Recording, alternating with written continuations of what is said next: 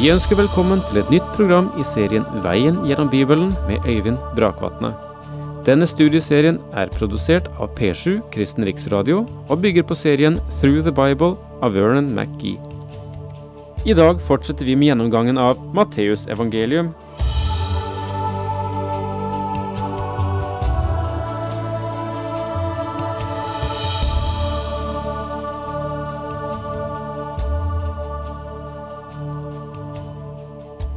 Vi eh, har vel eh, noen hver hørt eh, en del historier fra museer.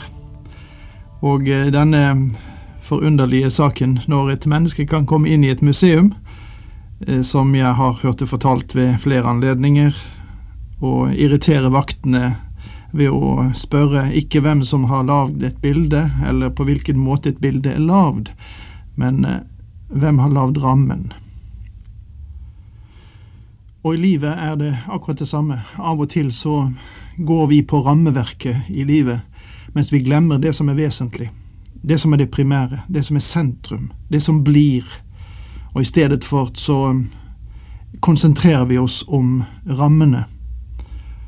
Eh, Og kjære dere, det er dette blant annet som Jesus har et oppgjør med i dette 23. kapittel.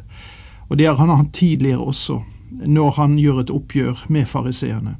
De sitter fast i rammen, mens det som er selve livet, og det som er det vesentlige, det som Gud er etter, det er de mindre interessert i. Og så sies det blant annet i det 17. verset slik.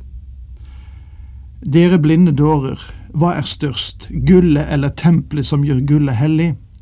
Og videre sier dere, å sverge ved alteret betyr ingenting, men å sverge ved offergaven som ligger på alteret, det forplikter.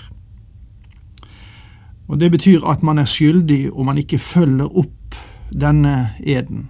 Og Her skiller Jesus ad. Han har gjort eh, og sagt noe av det samme tidligere som vi behandlet siste gang. Og så fortsetter Skriften.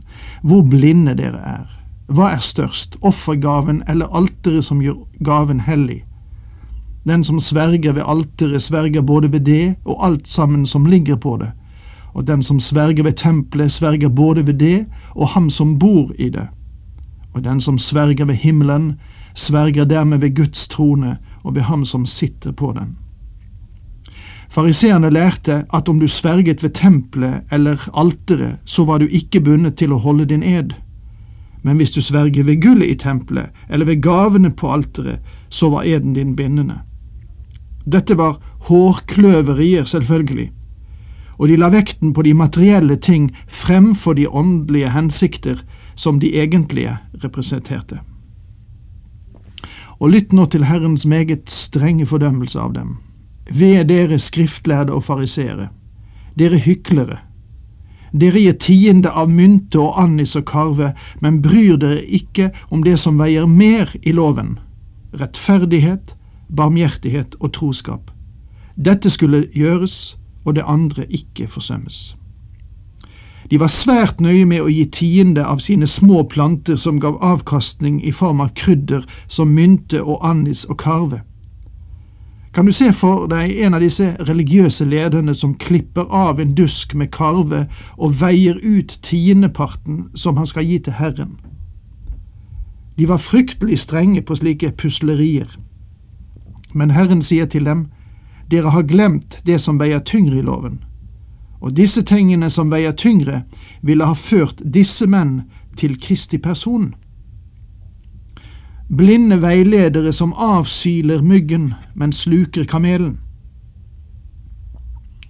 Synes du at dette verset har litt humor? Hadde jeg vært til stede da Jesus sa det, så kanskje jeg hadde smilt. Ja, det vil si, hvis jeg da ikke hadde vært en fariseer eller en skriftlærd. Herren sa dette med alvor, men det virker sannsynlig for meg at mengden omkring kniste og lo, spesielt dem som kjente disse gamle religiøse lederne. Det er mange mennesker som gjør så mye ståk av småting. Mange gjør mye styr av litt leppestift, men en giftig tunge får passere. Det er overraskende hvordan mennesker kan avsile myggen, men sluke kamelen. Ved dere skriftlærde og farisere, dere hyklere, dere gjør beger og fat rene utvendig, men innvendig er de fulle av griskhet og begjær. Dette femte ved gir et bilde av fariseerne som tar vare på de ytre ting. Er det et bilde av oss som troende og i kristne menigheter i dag? Vi har alt utstyret i orden. Vi taler både hyggelig og fromt. Vi vil ikke ta opp de ubehagelige tingene, særlig ikke de som ikke rammer oss. Men samme hvor vellykket fasaden er, så kan ikke det bringe renselse for den indre korrupsjon og den indre forråtning. Du blinde fariseer, rens først begeret innvendig, så blir også utsiden ren. Ikke misforstå ham. Han sier ikke at utsiden ikke skulle være ren, men du gjør en feil når innsiden er skitten og utsiden ikke er det. Og det er innsiden du må starte med. Ved dere skriftlærde og fariseere, dere hyklere, dere ligner hvitkalkede graver, de som utvendig er vakre å se til, men innvendig er fulle av dødningeben og all slags urenhet. For meg er dette det frykteligste språkbildet Jesus brukte. Det er å ha en form for gudelighet, men å fornekte den kraft til å gjøre mennesker til nye skapninger i Kristus Jesus. Den som står, ser til at han ikke faller, og den som preker for andre må passe på at han ikke selv blir kjent uverdig. Jeg undrer på, er det mange vandrende marmorgraver som innvendig er døde i overtredelse og synder? Slik er det også med dere. I det ytre, det som folk ser, er dere rettskaffende, men i det indre er dere fulle av hykleri og urett. Det er et sterkt grep han tar om de religiøse lederne der, og de burde også settes på plass fremfor noen andre. Har dere bibeltroende predikanter i deres menighet og forsamlinger, så for Guds skyld stå sammen med dem og støtt dem og hold dem oppe. De trenger dere, og dere trenger dem. Du verden hvor vi trenger mennesker som tror Guds ord, og som lever det. Ved dere skriftlærde og farisere, dere hyklere, dere bygger gravsteder for profetene og utsmykker gravmelene for hellige menn og sier, hadde vi levd i våre fedres dager, ville vi ikke ha vært med på å drepe profetene. Altså er dere selv vitner om at dere er barn av dem som myrdet profetene. Fortsett da det fedrene begynte, inntil målet er fullt. Og vi gjør det samme også i dag. Store gudsmenn, predikanter, evangelister, misjonærer ble lett forfulgt og latterliggjort av sin generasjon, men de er æret i dag. Det var sant om de store reformatorene så vel som en Spurgeon, en Hans Nilsen Hauge, en William Kerry og mange andre Herren kjente sannelig menneskenaturen, og den har ikke forandret seg. Dere bygger gravsteder for fedrene og utsmykker gravmelene for hellige menn.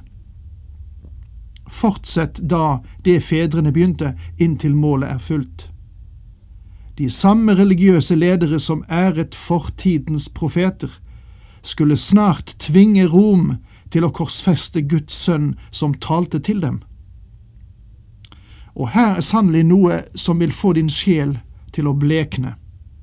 Slanger og ormeyngel, hvordan kan dere unngå å bli dømt til helvete? Kan du tenke deg noe sterkere språk enn dette? Hva mener han med å kalle dem en generasjon av slanger? Han mener at de er deres avkom. Dette er jo rystende, for læren om at Gud er alles far og vi er alle brødre. Det er helt avhengig av at du står i en levende forbindelse med Kristus. For så mange som tok imot ham, dem ga han rett til å bli Guds barn, de som tror på Hans navn. Herren taler i meget skarpe vendinger her i Matteus. Han serverer dem kaffe som er litt for sterk for mange romslige liberalere i våre dager. Jesus Kristus er ikke bare elskelig, han kom til jorden for å dø for dine synder fordi han elsker deg, men om du fornekter ham, blir han din dommer. Derfor sender jeg til dere profeter og vismenn og skriftlærde. Noen av dem skal dere drepe og korsfeste, andre skal dere piske i synagogene og forfølge fra by til by, og slik skal straffen komme over dere for alt det uskyldige blod som er utøst på jorden, helt fra drapet på den rettferdige Abel og like til drapet på Zakaria, sønn av Barakia, som dere slo i hjel mellom tempelet og alteret. Åpenbart var drapet på Zakaria en hendelse som hadde funnet sted for ikke så langt tilbake.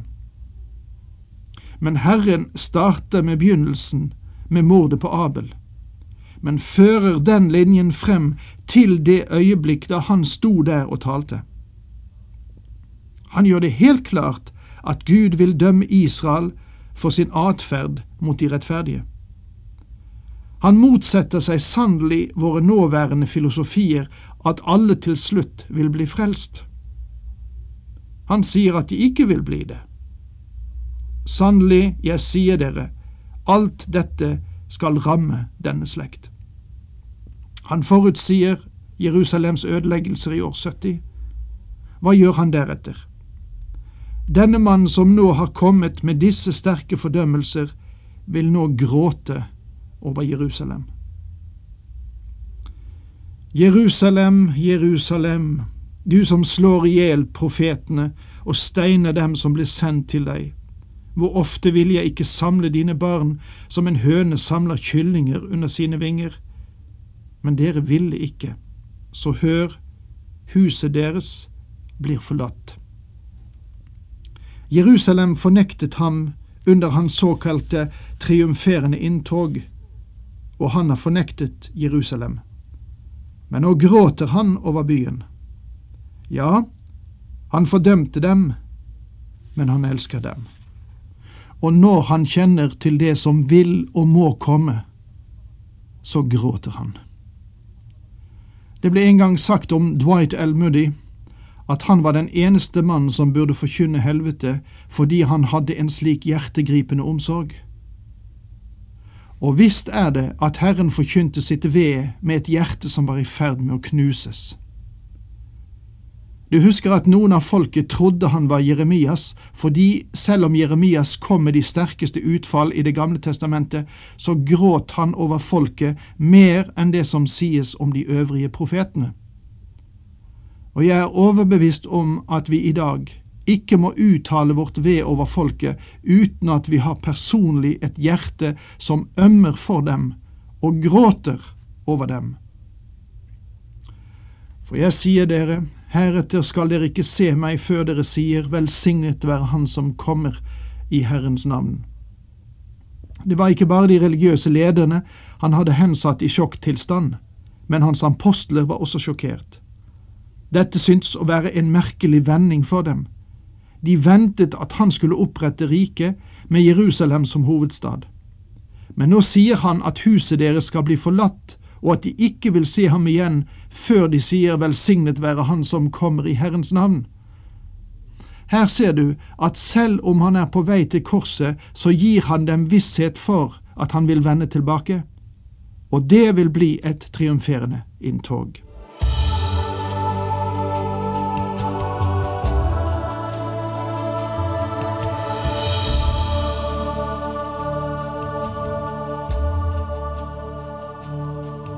Du hørte Øyvind Brakvatne i studieserien Veien gjennom Bibelen. Serien bygger på et manus av Vern McGee. Har du spørsmål eller kommentarer til programmet, kan du sende en e-post til vgb krøllalfa p7.no. Takk for i dag, og på gjenhør.